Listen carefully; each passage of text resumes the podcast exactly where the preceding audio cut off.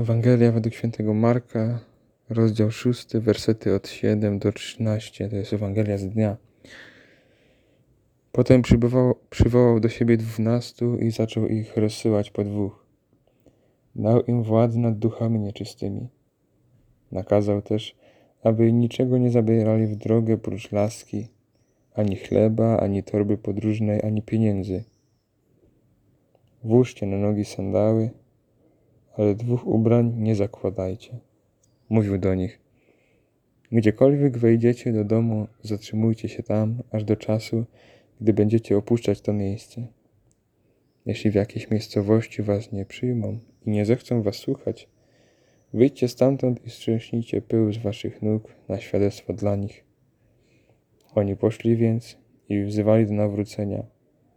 Wyrzucili wiele demonów i namaścili olejem wielu chorych, przywracając im zdrowie.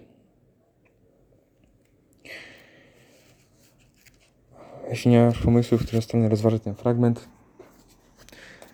no to możesz pójść w tym kierunku. Mm. Widzimy dzisiaj, że Jezus rozsyła uczniów, posyła ich po dwóch, daje im swoją moc wyrzucania demonów, e, daje im moc uzdrawiania, udziela im ze swojego ducha. Natomiast oni już jakiś czas chodzili za nim, już jakiś czas przebywali z Jezusem.